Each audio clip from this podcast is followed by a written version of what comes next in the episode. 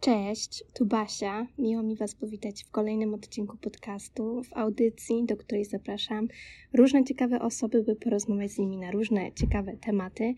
Dzisiaj słyszymy się w rozmowie o magisterce, a mianowicie o ostatnim roku magisterki i o tym, co będziemy robić dalej. Do rozmowy zaprosiłam moją przyjaciółkę Julkę, która również jest na ostatnim roku magisterki. I rozmawiamy o tym, na co czekamy, czego się boimy, na co. Um, już powiedziałam, na co czekamy. e, mały plot twist. Jestem troszeczkę zestresowana, ponieważ nagrywam to w bardzo nietypowym miejscu, a mianowicie w toalecie na lotnisku, bo źle troszeczkę zaplanowałam e, moje nagrywanie tutaj intro i outro, więc tak to wygląda. Także nie przedłużam. Zapraszam Was do wysłuchania i e, do podzielenia się tym, co myślicie po rozmowie. Dzień dobry. Witam. Witam serdecznie w profesjonalnym studiu. E, studio. Studio?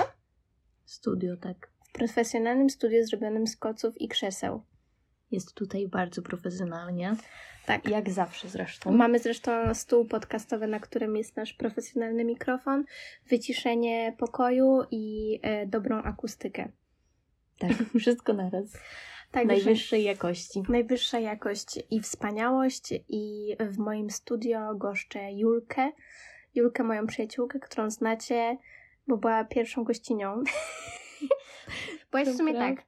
Byłaś na pierwszym. Um, na, w pierwszym odcinku, w odcinku podsumowującym cały rok w zeszłym roku, w mhm. marcu, w odcinku podsumowującym marzec i teraz.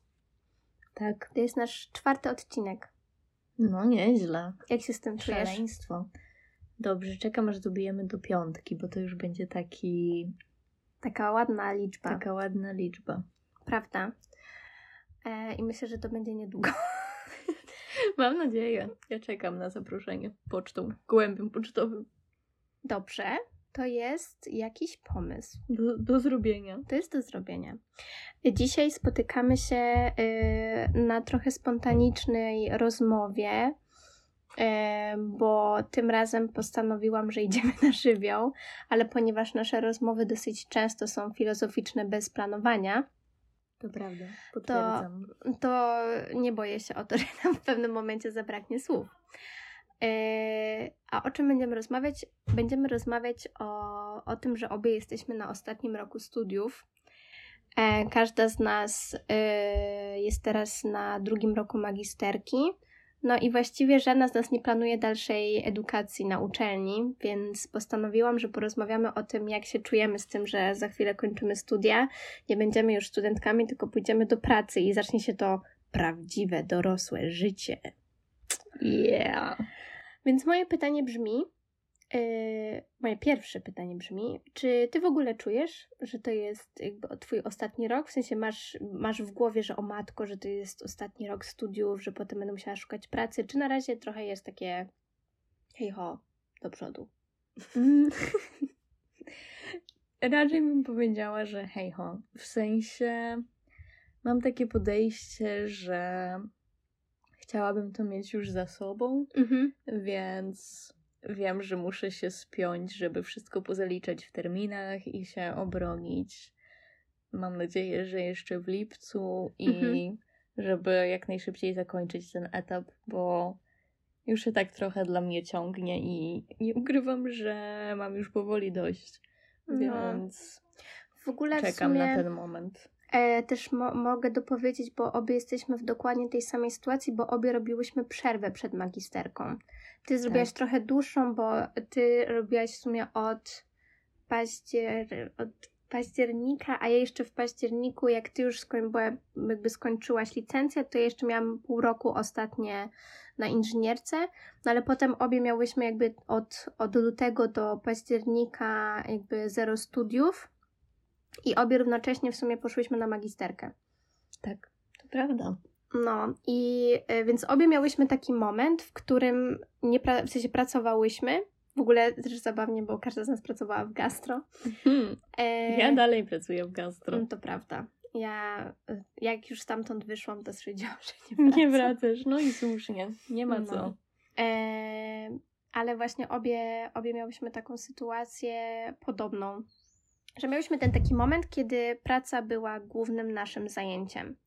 I potem wróciłyśmy na te studia i moje też pytanie brzmi, jak tobie się wracało na te studia? Po przerwie, w której właściwie zajmowałaś się tylko pracą, więc można powiedzieć, że liznęłaś trochę tego dorosłego życia. Mm, wydaje mi się, że powrót był dla mnie trudny, też ze względu na to, że nie, nie wiązał się z przerwaniem pracy. W mhm. sensie ja teraz równolegle pracuję i studiuję. I po tym roku, kiedy praca to był mój jedyny obowiązek, i to jeszcze taki obowiązek, którego nie przynosiłam do domu, w sensie ja szłam do pracy, pracowałam, wracałam do domu, miałam czas wolny, nie musiałam nic do tej pracy dodatkowo mhm. robić tak poza godzinami. Generalnie, tak. tak, można tak powiedzieć. E, no i e, teraz, jak do tego doszły jeszcze studia, czyli dodatkowy obowiązek, który też wiąże się z jakimiś przygotowaniami na zajęcia w domu mhm. i nie zabiera mi tylko tego czasu, kiedy jestem na uczelni, ale też ten czas wolny, kiedy muszę coś przygotować, napisać i tak dalej. No, to zrobiło się dość intensywnie. No, to prawda. Ja właśnie w sumie wiedziałam, że nie będę szukała pracy w gastro, bo też ze względu na to, że chciałam mieć wolne weekendy i to był mój taki wymóg. I, no ale z drugiej strony na, nagromadziłam sobie uczniów e, z francuskiego i pamiętam, że jak nagle się zorientowałam, że przecież ja w międzyczasie muszę jeszcze przygotowywać rzeczy na studia, ale też rzeczy dla uczniów, to się zrobiło po prostu trochę taki, taki roller coaster. Zwłaszcza jak na przykład zapominałam o tym, że w sumie no fakt faktem, że e, no, że jakby praca w gastro też jest męcząca i wracałyśmy zmęczone do domu, ale ja często miałam tak, że jak nie chodziłam na studia i pracowałam, to robiłam sobie prawie wszystkie moje lekcje z francuskiego w jeden dzień, kiedy nie, nie szłam do pracy. Więc no nie miałam za bardzo dnia odpoczynku, no ale z drugiej strony jakby nauczanie języka francuskiego jest dla mnie dużym, dużą frajdą, więc o mimo, że ten dzień spędzałam na uczeniu, no to i tak się bawiłam wybitnie przy tym wszystkim, a teraz mm. jakby studia męczą i o tym zapominamy, bo to też jest swojej, jak to się mówi? Swojego rodzaju praca. Mhm. Spędzasz, no właśnie, spędzasz nad tym czas, y, potrzebujesz się przygotować, często też przygotowujesz, y, jakby przygotowujesz coś, do czego musisz zrobić research, więc to zajmuje no, całkiem sporą część naszego dnia czy tygodnia, e, więc zapominamy o tym, że też możemy być zmęczone po studiach, a do tego dochodzi jeszcze praca, która jest kolejnym czynnikiem zmęczenia. Dużo rzeczy naraz. Dużo rzeczy naraz. No ale dobra, jak już no, jesteśmy, brniemy w to i jesteśmy na ostatnim roku studiów, e, w sumie tak przy okazji, e, rozmawiając o magisterce, czy chciałabyś się podzielić swoim tematem magisterki? Tak. Ja mogę w ogóle powiedzieć, co studiuję. No w sumie rację, bo o tym... Bo o tym ja nie wiem, czy kiedyś opowiadałam moją historię tutaj. Powiem, zacznę od początku. początku. Piwo. Ale się zgrałyśmy. Jaki chórek. Dobrze. E, to tak, ja studiowałam na licencjacie kulturę i praktykę tekstu, twórcze pisanie i edytorstwo. W skrócie? KIPT. Tak, na Uniwersytecie Wrocławskim. Pozdrawiam serdecznie na Wydziale Filologicznym. Mhm. Na tym samym jest filologia polska. Tylko ten mój kierunek był taki bardziej praktyczny, w sensie nie było teorii, gramatyki historycznej i tak dalej.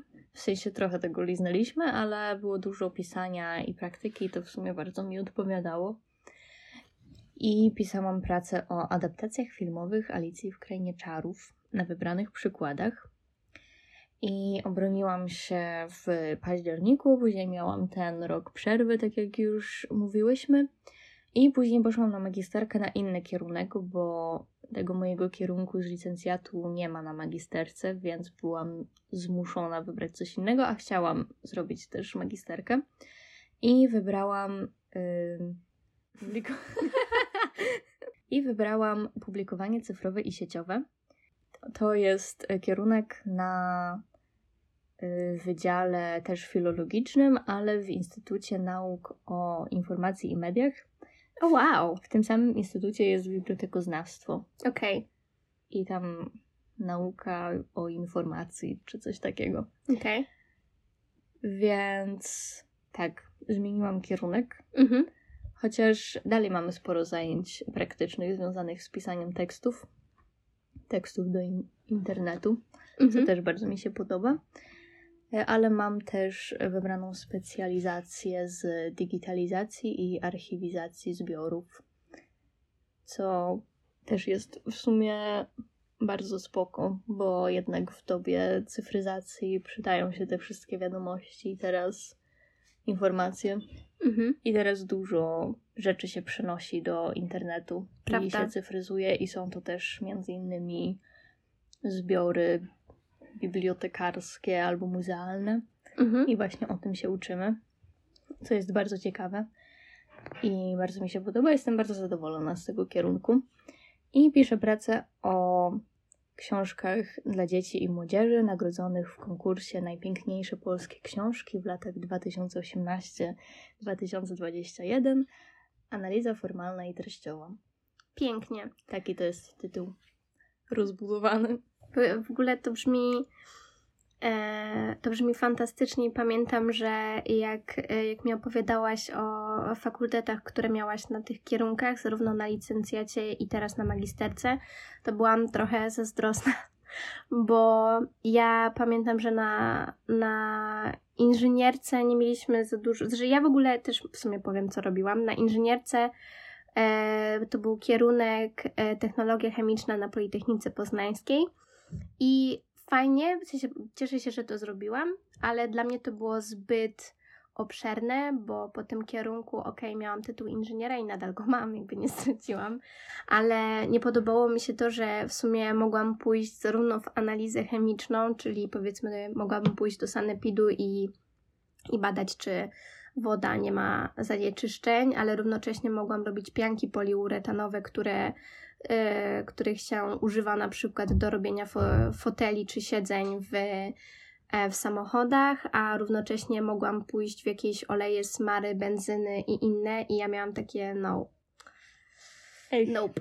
Nic z tego cię Nic z tego mnie nie, nie pociągało. Nie, nie, absolutnie, a bardziej mnie zaczęła wtedy pociągać kosmetyka i stwierdziłam, że bardzo chciałabym właśnie y, pójść na jakieś takie kosmetyczne i początkowo w ogóle poszłam na Uniwersytet Łódzki na kierunek o nazwie Chemia Kosmetyków i Farmaceutyków z elementami biznesu i ja tam poszłam w zeszłym roku w październiku, czyli to był październik 2022. No i nie ukrywam, że ten kierunek w ogóle mi się nie spodobał, w ogóle nie odpowiadał moim oczekiwaniom i w międzyczasie dowiedziałam się, że jest taki kierunek jak technologia kosmetyków, na, ale na Politechnice Łódzkiej i że to, jest, e, to są studia wyłącznie magisterskie, które się tam zaczynały od marca 2023. miałam takie, ej, dobra, no to się przeniosę. Dlatego się przeniosłam w międzyczasie. E, I e, no i aktualnie e, też mogę się pochwalić fajnymi fakultetami. Hehe. Ale w przeciwieństwie do Julki, ja na przykład jeszcze nie mam pracy magisterskiej, ponieważ u mnie wygląda to tak, że e, muszę się dostać na praktyki do firmy, która e, pozwoli mi przygotowywać badania do pracy magisterskiej, która w jakikolwiek sposób będzie związana z kosmetykami. No i to może być na przykład, nie wiem, badanie trwałości jakiegoś kosmetyku w zależności od użytego konserwanta, konserwantu. Tak? Dziękuję. Nie ma za co. Dygresja, Julka poprawiała moje posty na bloga. Tak. Żeby prawda. miały ręce i nogi. E, no, był taki moment, wtedy były przejrzyście napisane. Teraz też są. Bardzo so. dobrze się je czyta. To dobrze. Dziękuję bardzo. Ja tam po prostu swoje poprawki takie estetyczne wprowadzałaś. Wprowadzałam. No. Eee, no i aha, no i właśnie a propos, a propos tej mojej magisterki, no to może to być coś takiego, ale to może być też na przykład badanie właściwości nawilżających czy jakichkolwiek innych z danym składnikiem i to jest innowatorskie, albo badanie, nie wiem, no różne tutaj mogę robić badania, no ale prawda jest taka, że dopóki się nie dostanę do jakiejś firmy na praktyki, która pozwoli mi robić te badania, to nie dowiem się, jaki jest temat mojej pracy magisterskiej. Więc to jest troszeczkę jakby w zupełnie drugą stronę, gdzie Zazwyczaj jest tak, że tak zresztą miałam na inżynierce, że mieliśmy przedstawionych promotorów, oni nam przedstawiali, jakie mogą robić prace, w sensie jakie, jakie prace można u nich robić, no i my wybieraliśmy, gdzie chcemy iść.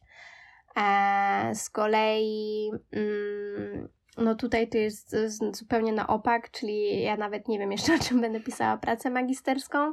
Nie wiem, kto będzie moim promotorem i prawdopodobnie dowiem się tego w przyszłym semestrze, czyli w ostatnim semestrze, w którym będę pisać pracę.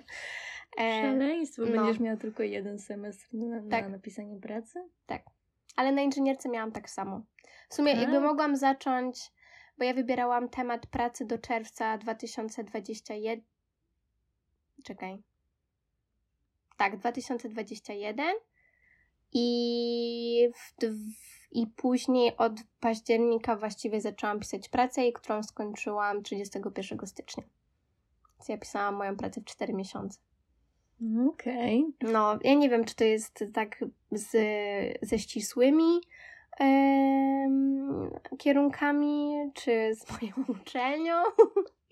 Nie wiem. Możecie no, się wypowiedzieć na ten temat.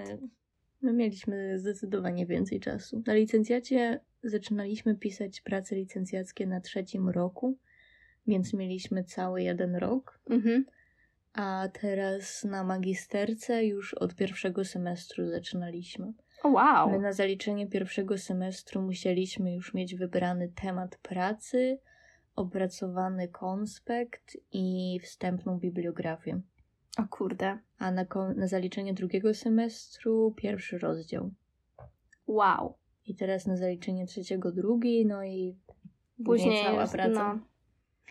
Well, no z drugiej strony my na tym drugim semestrze teraz tego drugiego roku mamy w, jako zajęcia tylko tą praktykę, którą mamy zrobić w dwa miesiące i zajęcia um, seminaria kierunkowe, które właśnie nas przygotowują na magisterki i to jest tyle, co będziemy mieli. Także jak się uwiniesz szybko, to właściwie zaraz potem możesz się bronić tak naprawdę. Przynajmniej tak mi się wydaje, ale może coś tam kłamie.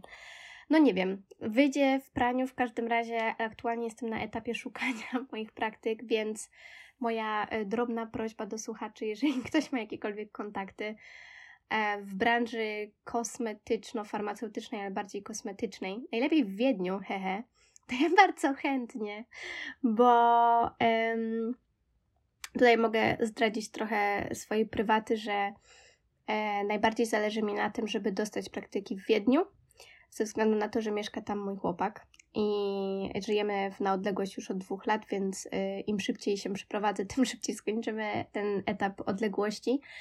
E, więc bardzo, bardzo mi zależy, żeby tam się wy, wyprowadzić i tam znaleźć praktyki bo że dużo osób mówi, ej, znasz francuski, to w sumie dlaczego nie pojedziesz do Francji? Ale ja wychodzę z założenia, że na tym etapie ważne jest też dla mnie właśnie zakończenie tego etapu mm, związku na odległość i przejście do bycia w związku po prostu. E, I doszłam do wniosku, że, że ten aspekt jest dla mnie ważniejszy niż w ogóle, niż jakiekolwiek praktyki za granicą. A więc na ten moment, jeżeli dostanę praktyki za granicą, to najchętniej w Wiedniu. E, a jeżeli e, ewentualnie jeszcze myślałam o tym, żeby szukać w Szwajcarii, bo to jest taki, takie nasze do, docelowe miejsce, ale też chcieliśmy się tam wyprowadzić wspólnie. Zresztą nie wiem, czy miałabym kasę na to, żeby się wyprowadzać i, i jeszcze opłacać mieszkanie we frankach szwajcarskich albo w euro, no, e, to jest drogo. No bo to jest droga zabawa. A jednak w Wiedniu to mogłabym mieszkać u Viviana i już e, mamy ustalony plan finansowy, który bardzo mi odpowiada, więc tutaj taka moja prywata. No ale w każdym razie zobaczymy, co z tego wyjdzie. E, I wracając, właśnie nasz ten drugi semestr będzie polegał tylko i wyłącznie na na pisaniu pracy, robieniu, znaczy na robieniu praktyk w głównej mierze, pisaniu pracy i później przygotowanie prezentacji na seminaria, no i obrona. A i jeszcze my, w ogóle coś, co mnie zaskoczyło, to na, na właśnie na tym kierunku, na technologii kosmetyków, e, na Politechnice Łódzkiej, my nie mamy, w sensie nasza obrona polega na tym, że przedstawiamy naszą pracę magisterską i robimy prezentację o pracy magisterskiej i nie mamy żadnych pytań odnośnie studiów, ale mamy tak zwany test kompetencji, który, na którym mamy e, pytania z całego toku studiów półtora rocznych. Znaczy w sumie rocznych, no bo, no bo właściwie mam tylko dwa semestry, gdzie jakby zdobywam wiedzę, a potem to już tej wiedzy, wiedzę, wiedzę użytkuję. Tak mogę powiedzieć? Używam wiedzy. Tak. No. Także zobaczymy. No, generalnie jakby byłam w szoku, jak z tego wszystkiego dowiedziałam, ale trochę mi ulżyło, bo, mm, bo te, na tym teście kompetencji możemy mieć materiały wydrukowane, mhm. więc możesz mieć zebrane notatki i przyjść z tymi notatkami, no ale wiadomo, że no, trzeba trochę wiedzieć. Ewentualnie jak się coś zapomni, to po prostu zawsze możesz sprawdzić, no ale musisz mieć jakąś wiedzę, żeby to zdać. Także fajnie.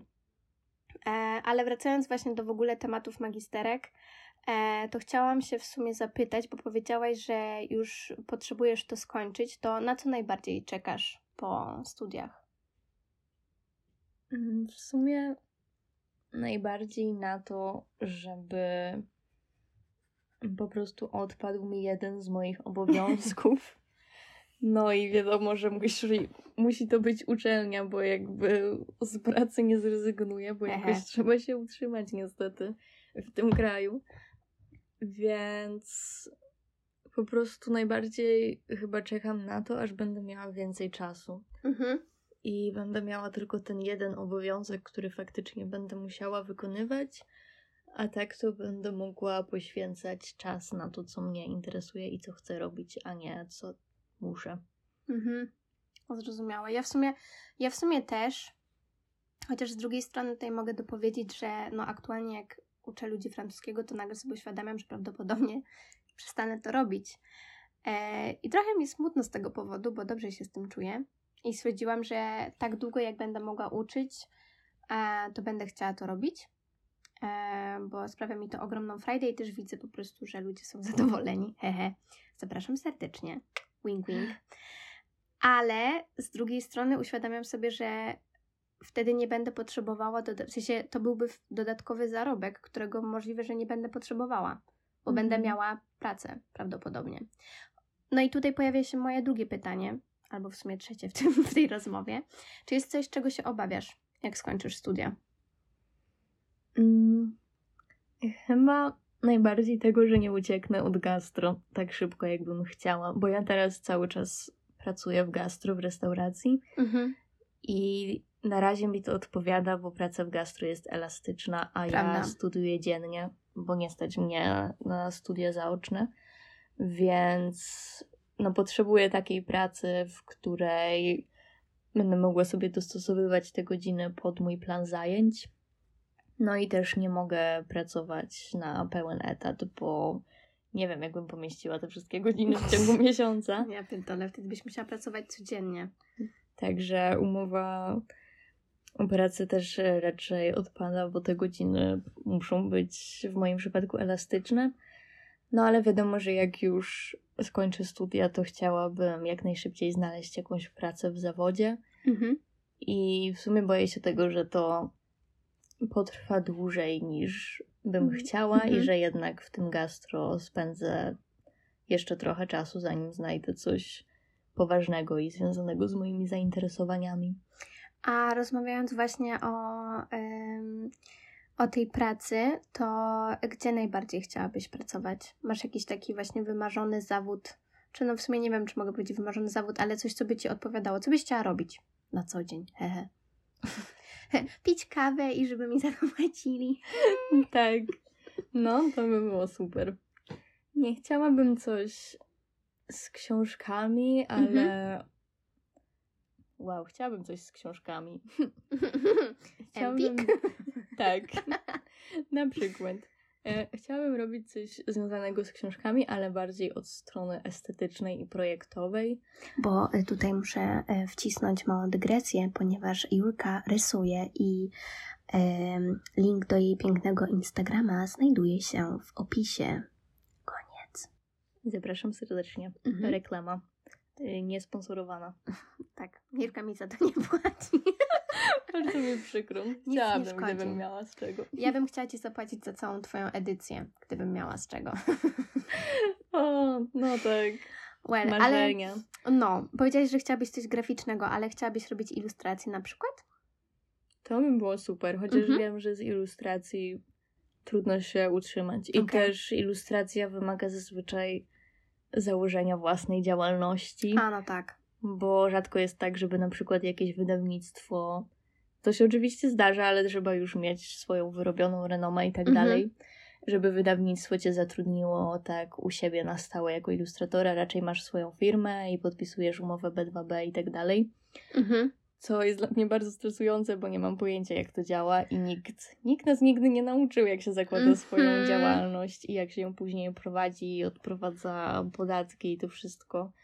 Więc trochę boję się to robić. Dobrze, że powiedziałaś o tym, bo e, właśnie chciałam Cię też, e, też podpytać o to, czy jest coś, mm, czego żałujesz, że się nie dowiedziałaś, nie nauczyłaś, nie poznałaś, a co chciałabyś wiedzieć, wchodząc w to, w cudzysłowie, dorosłe życie po studiach.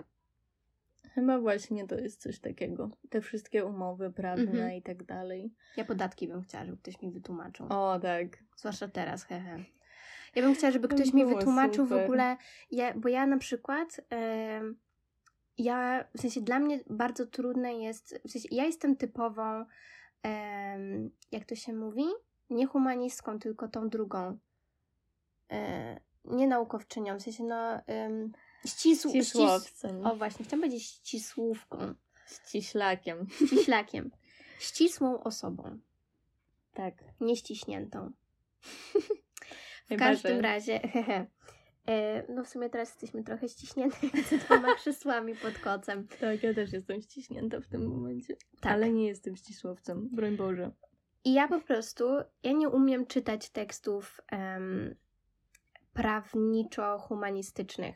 Dla mnie to jest w sensie, jak, jak mam na przykład powiedziane, że jak czytam umowy chociażby, to, to dla mnie to jest tak bardzo trudne do zrozumienia, że. Ten język prawniczy taki jest. Jest potworny i ja po prostu, ja się czuję jakbym, w sensie ja nie umiem zrozumieć jednego zdania, bo ono jest po, podrzędnie, podrzędnie, podrzędnie złożone.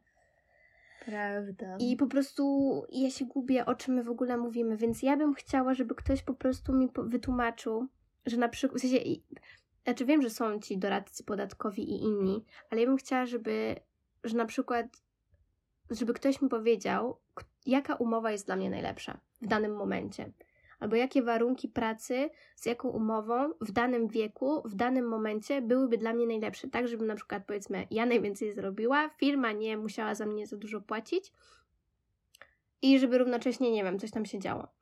Mhm. I ja po prostu tego nie rozumiem, jak ktoś mi rzuca właśnie, nie wiem, umowy o dzieło, jest dobra, jakby mniej więcej w takiej podstawie w stylu umowa o dzieło, umowa zlecenie znam, umowa o pracę, ale potem jakby co się wlicza i, i na przykład ciągle się dowiaduję, że jak mam poniżej 26 lat, to, to potem jakiegoś podatku nie płacę, ale jeżeli jestem studentem, to w ogóle czegoś nie płacę, a jeżeli nie jestem studentem, ale mam poniżej 26 lat, to czegoś nie płacę, ale coś płacę i mam takie wytyfy.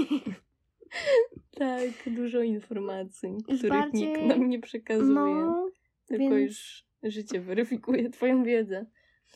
A masz jakiś taki, bym powiedziała, taki jakiś American Dream o życiu w Ameryce? To czy masz jakiś Adult's Life Dream, który jakby masz wrażenie, w sensie, który weryfikujesz po części teraz? Nawet jeżeli jesteś jeszcze na studiach. Czyli Czekaj, co, czy to jest takie marzenie z dzieciństwa, czy tak, marzenie? marzenie z dzieciństwa, takie wyobrażenie o życiu dorosłych, to żeby bycie dorosłym, dorosłą, że co mnie sobie wyobrażałaś, ale jak to teraz konfrontujesz? Julka robi minę w stylu, no generalnie to bardzo dużo się zmieniło. Tak. Nie wiem, ja byłam takim nieświadomym dzieckiem i ja bardzo długo ja nie chciałam dorastać. Jak rodzice mi mówili o tym, że będę musiała kiedyś dorosnąć, to zaczynałam płakać. O Boże. Tak, to było dla mnie takie traumatyczne. Ja chciałam być takim wiecznym dzieckiem po prostu. A później się zaczęło dorosłe życie. Zaraz po liceum, niestety. No, a co, co dla ciebie było takie dorosłe po liceum? Szczerze nie pamiętam, co myślałam jako mała Julka. Ja miałam takie marzenie, żeby zostać pisarką i ilustratorką książek dla dzieci. Mhm. i żeby pisać swoje własne książki i je sama ilustrować i wydawać. A teraz wiem, że... Autor Julia Kaim, ilustrator Julia Kaim, wydawnictwo Julia Kaim. tak. M mogłabym też e, sama redagować sobie swoje teksty o. i zajmować się wlewaniem i składem tekstu. W ogóle to jest taki slogan edytorski. Wlewanie. Slang. Ano. No ja, ja zawsze Lingo. Mylę. Lingo wydawnicze. Co to jest lingo wydawnicze? Lingo to jest właśnie język związany A. z jakimś. Ja nie rozumiem. Konkretnym. Przepraszam, ja nie znam takich nazw. Ja w ogóle mylę, mylę slogan z. Lingo chemiczne na przykład możesz Aha. powiedzieć. Tak? To jest. To są wszystkie te takie słowa, których używają chemicy. Okej. Okay. Ale czekaj, jest takie slogan wyrażenia. i co ty powiedziałaś? Slang? Slogan to może być reklamowy, takie okay. hasło reklamowe. A, A to slang to. Slang. Czyli tak. to jest to słowo. Tak. Okej, okay, bo ja je mylę w takim razie. Tak, myślę, że o to ci chodziło. No. Ale ja czasami nie umiem polskie słowa. Ale tak. od tego ja tutaj jestem. No, dlatego obok. bardzo się cieszę, że jesteś obok, bo przynajmniej mnie poprawiasz. Ale e, co chciałam powiedzieć, tak, wlewanie i wylewa- wlewanie tekstu i co? Skład. Aha. Jak chemiczny? No właśnie, no i to o to chodzi z lingo, że w lingo wydawniczym skład oznacza coś innego niż w lingo. Okej. Okay. A co chemicznym. to jest skład w lingo wydawniczym? To jest przygotowywanie książki do druku. Układanie tekstu na stronie. To jest w ogóle dla mnie niesamowite, bo ja myślałam, że po prostu to się pisze i drukuje i już. W Wordzie. No. A tak. to się okazuje, że nie. Nie, nie, nie. Są A. typografowie, którzy dbają o przejrzystość tekstu, żeby ci dobrze. się go dobrze czytało i żeby wyglądał estetycznie. Bardzo sympatycznie. A powiedz w takim razie, no miałaś to marzenie i teraz jak konfrontujesz to marzenie? Już powiedziałaś w sumie, że bycie ilustratorem trochę się nie opłaca. No. Jak z no. pisaniem własnych tekstów, Julka? Też jest ciężko. W sensie ogółem, żeby się tak wstrzelić na. Oj. żeby się tak wstrzelić na rynku wydawniczym. O, teraz jest moda na self-publishing, ale to kosztuje. Słyszałam o tym. Tak, bardzo dużo autorów nie podpisuje żadnych umów z wydawnictwami, tylko na własną rękę wydaje swoje książki, no ale wtedy musisz. Co musisz wtedy pokryć zrobić? z własnej kieszeni wszystkie koszty. Czyli w druk, topogra... nie, czekaj, redakcja, y, topografia. Typografia. Aha. Aha, bo topografia to chyba z geografii jest. Tak, miast i tak dalej. Okej, okay, dobra. Przepraszam, bo ja mylę, no ja mylę słowa, no jakby... Wybaczamy. Ja mówię, ja mówię coś, ale mam na myśli co innego. Czyli typografia, potem tak. druk. Tak. Też. Okay. I to wszystko po prostu trzeba opłacić wtedy w tym self-publishingu. Ale to wtedy jesteś jako, jako niewydawnictwo. Czy jak to wtedy się nazywa, że wydane przez kogo? Szczerze nie wiem. Nie wiem, czy czytałam kiedyś jakąś książkę taką self-published. Wydaje mi się, że nie trafiłam jeszcze na taką. Okay. Więc nie wiem, jak to wygląda. No dobrze. Tak dokładnie.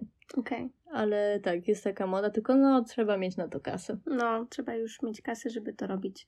No dobrze, ale będziemy wspierać Twoje dziecięce marzenie, żebyś mogła być y, ilustratorką własnych tekstów Dziękuję. i opowiadań. A no to w takim razie, jak już skonfrontowałaś to z tym, że to jest nie do końca opłacalne, to, to co sobie pomyślałaś? Kiedy? No jak skonfrontowałaś to, że jakby, że to marzenie to nie jest do końca takie łatwe do spełnienia. Mm, doszłam do wniosku, że chyba najlepiej będzie, jeśli na razie znajdę jakąś inną pracę, taką stałą na mhm. umowę o pracę. Mhm. A w międzyczasie, w czasie wolnym będę pracować na przykład nad swoim portfolio albo sobie dorabiać właśnie robiąc na zlecenia albo umowy o dzieło jakieś projekty graficzne albo ilustracje. Fajnie. I tak się rozwijać z tym na boku. Dużo Ale osób mając... w sumie tak zaczynało. Przecież teraz tak. tyle na Instagramie jest osób, które um, które mówiło o tym, że zaczynało właśnie od robienia swoich rzeczy na boku. E, a jak uzbierali już taki solidny kapitał, grupę odbiorców, stali się znani i tak dalej, to rzucili pracę na etat. Na tak. etacie. To jest bardzo popularne, to prawda. Tym bardziej, że teraz mamy takie możliwości tych e, social mediów, w których możesz rzeczywiście rozwijać swój biznes, ale znowu tutaj wkraczamy w coś, e, czego nadal nie rozumiemy, czyli co wtedy trzeba zrobić? Założyć działalność, zrobić własną markę, bo potem nagle się okazuje, że już nie możesz tak na, tak sobie o publikować rzeczy na Instagramie i mówić proszę mi za to płacić, bo dojedziecie urząd skarbowy. Tak. No, no właśnie. Niestety. Moim takim e, marzeniem z dzieciństwa to pamiętam, że ja miałam takie wyobrażenie, że jak zacznę pracować, to właśnie będę miała dużo czasu wolnego, że nie będę miała zmartwień i że będę miała pieniądze na wszystko. I nagle się okazuje, że o, tutaj historia z życia wzięta, że nagle po prostu cieknie mi z sufitu i trzeba to załatwić. No i ja akurat to nie jest moje mieszkanie, bo to jest wynajęte mieszkanie, no ale muszę to załatwić, bo ja w tym mieszkaniu jestem. I nagle się okazuje, że trzeba to zrobić, tu zadzwonić, tam napisać i tak dalej. Albo na przykład potem się zorientowałam, że, e, że budżet, który sobie robisz na, na, na miesiąc jest potrzebny, bo nagle się okazuje, że pod koniec miesiąca jakby poszłaś na tą 15 kawę i trzeba było nie pić tej kawy na mieście, bo potrzebujesz zapłacić za mieszkanie w przyszłym miesiącu. I to było dla mnie takie początkowo yy, trochę, może nawet nie to, że jakby szastanie pieniędzmi na prawo i lewo, ale że takie umiejętne budżetowanie własnych zarobków. Polecam tabelki w Excelu. Dobrze. Julka poleca tabelki w Excelu. Jak robisz swoje tabelki w Excelu? Tam zapisuję wszystkie swoje przychody i wydatki. Mhm. I wydatki dzielę na podkategorie, żeby zobaczyć na co najwięcej idzie mojej kasy. Ale uzupełniasz go sukcesywnie po prostu, a nie pod koniec miesiąca. Ty się dorzucasz Staram opcje. się na bieżąco. Okej. Okay. Tak, uzupełniać, żeby mieć taki wgląd. To jest satysfakcjonujące, bo ja tam mam takie podsumowanie, ile miałam na początku miesiąca i ile mam pod koniec miesiąca. Mhm. I mogę sobie porównać, że u na przykład e, mam na koniec miesiąca, w sensie nowy miesiąc, zaczynam z większą ilością pieniędzy niż zaczynałam poprzedni i o. czuję, że coś odłożyłam i mam więcej kaski na boku. Bardzo Więc, sympatycznie. Tak. Muszę zacząć to robić. Jest to bardzo miłe i satysfakcjonujące. A co ja chciałam też powiedzieć, no i właśnie jakby ja skonfrontowałam się też z takim, że, że to nie jest tylko na zasadzie, że idziesz do pracy i wracasz e, i, i, i masz czas wolny, tylko że czasem po prostu jakby trzeba na przykład e, zaplanować dużo, dużo, dużo rzeczy jakby na zasadzie, że no nie wiem, jeżeli chcesz ugotować obiad, a nie masz nic w lodówce, to trzeba zaplanować, zrobić zakupy. Jeżeli masz mało czasu i wiesz, że nie będziesz w stanie ugotować całego obiadu, to lepiej ugotować go wcześniej. Jakby mnie nauczyło to, w sensie to też jakby mieszkanie, jakby bycie samą, to, to, to mnie też to tak nauczyło, ale jakby dla mnie to się jedno łączy z drugim, że odkąd zaczęłam mieszkać sama, no to jakby weszłam w to dorosłe życie. I że jakby że, że ja przejęłam te wszystkie obowiązki, o których często po prostu myśleli moi współdomownicy i ja nie musiałam się za bardzo nad tym zastanawiać, a no trochę, że tak powiem, samo się zrobiło. Prawda. Ze hmm. sprzątaniem jest tak samo. No. Jak się mieszka z rodzicami, to się tak o tym nie myśli, bo no ja na przykład mam młodszego brata, więc mieszkaliśmy w cztery osoby i te obowiązki się jakoś tak rozkładały. I dzieliły. Dzieliły, że każdy coś tam posprzątał i już było czysto. A jak się mieszka samemu, no to masz całe mieszkanie na swojej głowie, no. że tak powiem, i sama musisz wszystko posprzątać. Dokładnie. Ja też właśnie, e, druga rzecz, e, to po prostu e, Coś, co mnie właśnie najbardziej przeraża, to to, że nie będę wiedziała, jak się odnaleźć w tych y, umowach i w przeprowadzkach, i nie wiem, że na przykład, że muszę się przemeldować albo muszę coś tam zrobić i jakby cieszę się, że akurat jakby mój chłopak ma ze sobą już wiele takich, wiele, dwie przeprowadzki do dwóch różnych państw i ogarną jakby co trzeba zrobić, więc ogromnie liczę na to, że jeżeli potem wspólnie się przeprowadzimy do jeszcze innego państwa, to on będzie w stanie ogarnąć, co trzeba zrobić, a ja po prostu będę grzecznie robiła to, co on mi każe, żeby okay. wypełnić te wszystkie dokumenty. No, no ale dobrze. Przeprowadzanie się z jednego miasta Polski do drugiego to jedno, ale przeprowadzka no. do innego kraju, gdzie, gdzie też inne podatki, gdzie inne prawo obowiązuje i to wszystko. Przerażające, no ale cóż. E, mnie w sumie mm, też coś, co najbardziej przeraża z, z, po studiach, to to, że nie znajdę pracy. Mhm. Albo że nie będę miała kompetencji, żeby to, żeby znaleźć pracę. I to jest w ogóle coś, co mnie popchnęło do zrobienia magisterki, bo ja po inżynierce w ogóle się nie czułam, jakbym miała kompetencje. I mnie po prostu jakoś tak, mnie się tak za. To jest też w ogóle chyba jakiś taki mit, że tak powiem. E, może niekoniecznie w każdej branży, ale miałam wrażenie, że jeżeli ja nie wiem, jak coś zrobić, to że jak pójdę do pracy, to oni mnie nie przyjmą, bo nie wiem, jak to zrobić. A potem się okazuje, że oni i tak muszą ciebie wszystkiego nauczyć, bo w każdej pracy są jakieś normy, albo jakieś sposoby, albo jakieś metody. I nawet jeżeli ty masz wrażenie, że tego nie potrafisz, to ostatecznie e, oni i tak ciebie muszą nauczyć i wdrożyć. I nikt raczej nie rzuca na głęboką wodę, chociaż też się zdarzają takie, takie sytuacje. No ale cóż, to jest coś, co mnie chyba też tak najbardziej przeraża i powstrzymuje. A czy jest jakaś e, czynność, którą nazwiesz dorosłą, którą lubisz najbardziej? Hmm. Czy chodzenie na tatuaże się liczy? nie można sobie robić tatuażu, bo jak nie ma się 18 lat. Tak. Chociaż nie, chyba można, ale ze zgodą rodzica? Tak, albo opiekuna prawnego. Ale trzeba i tak mieć chyba powyżej 15 albo 16. Tak mi się wydaje, no. To jest super w byciu dorosłym, że można sobie chodzić na dziarki. I decydować właściwie o tym. Ja chyba najbardziej lubię to, że to ja decyduję, na co wydaję pieniądze. Tak. Że to nie jest na zasadzie, że na przykład e, że mama mi mówi, że nie, nie, znaczy no, nigdy też wielce tak nie było, że mama mi nie pozwalała na coś wydawać pieniędzy, no ale ja gdzieś tam miałam jakieś takie poczucie, że jako, że jestem mała i, i ten, no to nie mogę na to i na to, a teraz jakby mam takie poczucie, że to ja decyduję o moich finansach. I to jest chyba takie najfajniejsze w tym wszystkim, że ja mogę zadecydować i powiedzmy iść i kupić sobie prezent, hehe, na co sobie nie pozwalałam, jak byłam mała. No, ale ym, w sumie coś, co jeszcze lubię takiego e, dorosłego. Ym, chciałam powiedzieć zarabianie. To by było takie. Czy to by było pieniądze? No właśnie, pieniądze. Oj, tak... no, kapitalizm wchodzi kapitalizm mocno. Kapitalizm wchodzi mocno. Ale, ale, to prawda, posiadanie pieniędzy jest przyjemne. Posiadanie, w sumie inaczej, jakby satysfakcja z zarabiania, że ty, że ktoś ci płaci za twoją pracę. W ten sposób. Tak, to że ujęła. ciebie tak ceni.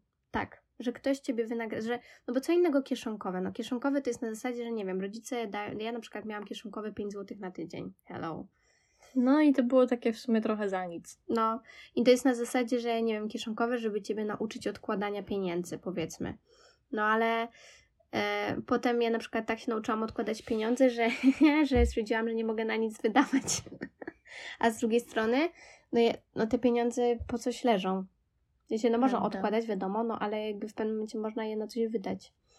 Prawda, trzeba korzystać. Ja no. miałam no. też na samym początku takie podejście, że muszę oszczędzać, mhm. żeby... Jestem studentką. Tak, żeby mieć te oszczędności cały czas na czarną godzinę, czy tak. cokolwiek i że nie mogę sobie pozwalać na żadne przyjemności, a jeśli już, to że na przykład powinnam odłożyć pieniądze na jakieś wielkie wakacje albo coś -hmm. takiego dużego. A prawda jest taka, że można z tych pieniędzy korzystać na, na bieżąco i to no. też jest super. Można sobie zorganizować jakiś krótki wyjazd na weekend, pójść do kina. To mogą być takie drobniejsze przyjemności. No dokładnie. I to wcale nie musi być coś wielkiego, na co się odkłada pieniądze przez lata. Tylko to może być nie wiem, little treat. Mhm. I Wyjście do kawiarni. No właśnie. I wybranie najdroższej pozycji z menu. Albo trzy, trzy posiłkowego, trzy posiłkowej kolacji. E, przystawka, danie główne i deser. Uuu, tak. Ale coś, co jeszcze mi przyszło do głowy, e, to czy masz wrażenie, że odkąd właśnie, że inaczej, czy teraz jak jesteś studentką jeszcze, to hmm. czy masz takie poczucie, że w pełni możesz decydować o sobie, czy masz wrażenie, że to, to pełne decydowanie o sobie przyjdzie dopiero jak skończysz studia? Ja tak się czuję już teraz. W mhm. sensie czuję, że mogę zdecydować sobie teraz, że rzucam te studia, mhm. że je przerywam. W sensie nikt mi nie zabroni. I no, mam takie poczucie sprawczości mhm. w miarę. Ja w sumie też. To w ogóle przyszło z taką. Znaczy, to w ogóle przyszło chyba z momentem zaczęcia studiów, ale co też chciałam się zapytać, w sensie mnie chyba najbardziej przerażało i nadal czasem przeraża to, że, że jakby ja mam odpowiedzialność tych decyzji że ja czasami nie mogę, w sensie mogę owszem zapytać o zdanie, czy, czy myślisz, żeby rzucić studia albo coś tam, ale ostatecznie to ja muszę podjąć te, te decyzje. I liczyć się z konsekwencjami. I liczyć się z konsekwencjami i to jest chyba je, jedna albo może jedyna rzecz w dorosłym życiu, która mnie chyba najbardziej przeraża. No to są takie dwie strony tak. medalu, że z jednej strony możesz decydować sama o wszystkim, na co wydajesz pieniądze, co robisz w życiu, mhm i tak dalej, ale jeżeli ci nie starczy na koniec miesiąca, no to to jest trochę twoja wina i w tym momencie liczysz się z konsekwencjami i jesz chleb z cukrem. Yummy. Chleb no. z cukrem jest dobry. Nie próbowałam, ale karmelizujesz? Nie. Po prostu smarujesz masą i sypiesz cukrem i elo. To już wolałabym solą. Uuu, to tak na obiad i na deser. Trochę tak. No ale cóż, a powiedz mi jeszcze, yy, tak zbi- zbliżając się ku końcowi, yy, czy czujesz, yy, czy, czyli, hmm, jakby to powiedzieć, czy czujesz, że nastąpi jakieś uwolnienie po skończeniu studiów? Mm, nie wiem, czy bym to tak nazwała. W sensie... nazwać inaczej. Mam wrażenie, że już trochę tego doświadczyłam przez ten rok niestudiowania po okay. licencjacie. I nie wiem, w sensie odejdzie mi ten jeden obowiązek. Prawda? Będzie jedna rzecz z głowy, że tak to ujmę, ale nie wiem, myślę, że sobie sama dołożę innych obowiązków. Też prawda. Trochę tak będzie. Ja mam wrażenie, że, że to, co mówisz, że odejdzie ten jeden obowiązek, ale że po prostu nagle e, no za, zależy jaką się będzie miało pracę, ale po prostu zaczną się inne projekty, które, w sensie chyba najbardziej nie mogę się doczekać tego i mam nadzieję, że tak będę miała, że w momencie, kiedy będę wychodzić z pracy, to nie będę zabierać pracy do domu. Tak. A no, na studiach jest tak, że no, trzeba się uczyć na kolokwia i, um, i przygotowywać różne projekty i tak dalej, i tak dalej. Więc to się okaże. Masz jakąś taką ostatnią myśl, e, którą chciałabyś powiedzieć e, osobom zaczynającym swój ostatni rok studiów? Dacie radę. Wierzę w Was. No. Byleby. Do... Byle do przodu, byle do tak, końca. Byleby do końca. No, dokładnie. Bardzo Ci dziękuję za tę rozmowę. Ona była dosyć mocno filozoficzna i taka dosyć szeroka, bym powiedziała, ale podsumowująca w sumie to, że właściwie koniec studiów i rozpoczynanie pracy to jest taki, bym powiedziała, jednocześnie przełomowy i nieprzełomowy moment w życiu. Zależy w ogóle jak kto, gdzie mieszkał, czy mieszkał u rodziców, czy nie, czy wyjechał na studia już do innego miasta, czy nie i tak to dalej, i tak dalej. To jest bardzo osobista sprawa. To jest bardzo osobista sprawa. Od różnych okoliczności. I warunków, i e, tego, co się dzieje dookoła. E, ale jakby uważam, że, e, że ten moment zakończenia studiów otrzymania dyplomu i rozpoczęcia pracy jest takim pięknym momentem w życiu i też nie mogę się go doczekać. E, I żeby zobaczyć, jak to będzie.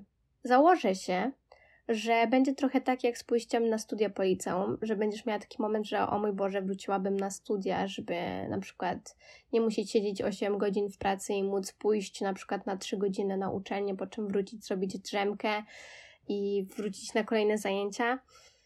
No ale to chyba zawsze tak jest. Tak, zawsze się tęskni za tym, co było. Tak samo jak na przykład teraz mam takie momenty, że myślę o o tym, jak to było w podstawówce i po prostu patrzę na siebie. No to tak daleko w no, przeszłość. No bo ja wtedy nic nie robiłam. Co nie, to było życie. Tego się nie docenia, jak się jest małym No, bachorem. totalnie. Więc przypuszczam, że jak zaczniemy pracować, to może nagramy kolejny podcast, piąty, o tym, jak, to, jak to jest y, zacząć pracować i że chciałabym się wrócić na uczelnię. tak, no, Ale zobaczymy. tak będzie. Zobaczymy za rok. No tak, Myślisz, że za rok? Ja bym powiedziała, że nawet takie trochę mniej. No jak w miesięcy. lipcu są obrony. A, no to 8 miesięcy. No i później musisz znaleźć pracę jakąś. Jak no ci się poszczęści, to Jak ci się poszczęści, to szybko. Jak nie poszczęści, to później. Trochę sobie poczekasz. No. Musisz się zaklimatyzować.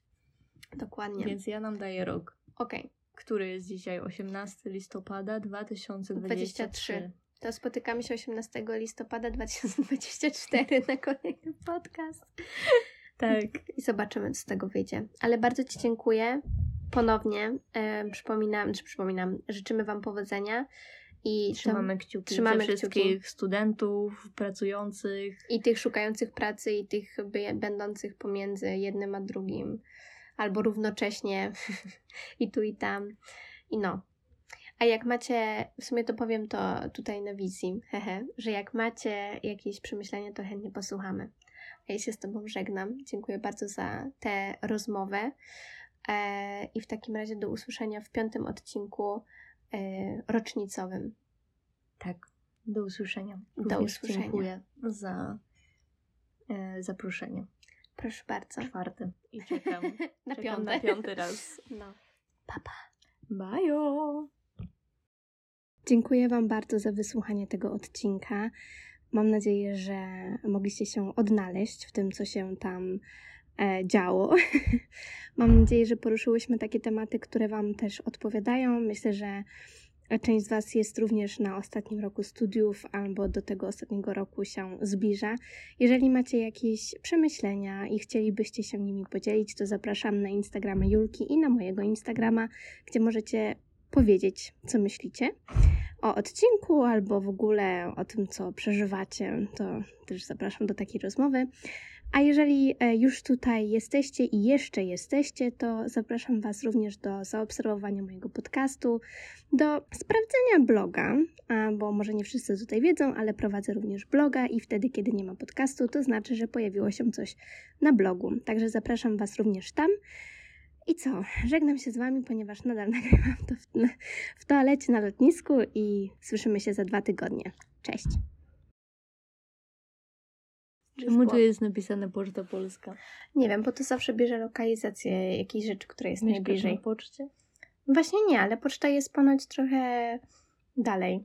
Znaczy w ogóle poczta jest dalej, więc nie wiem dlaczego bierze Pocztę Polską, no ale niech mu będzie.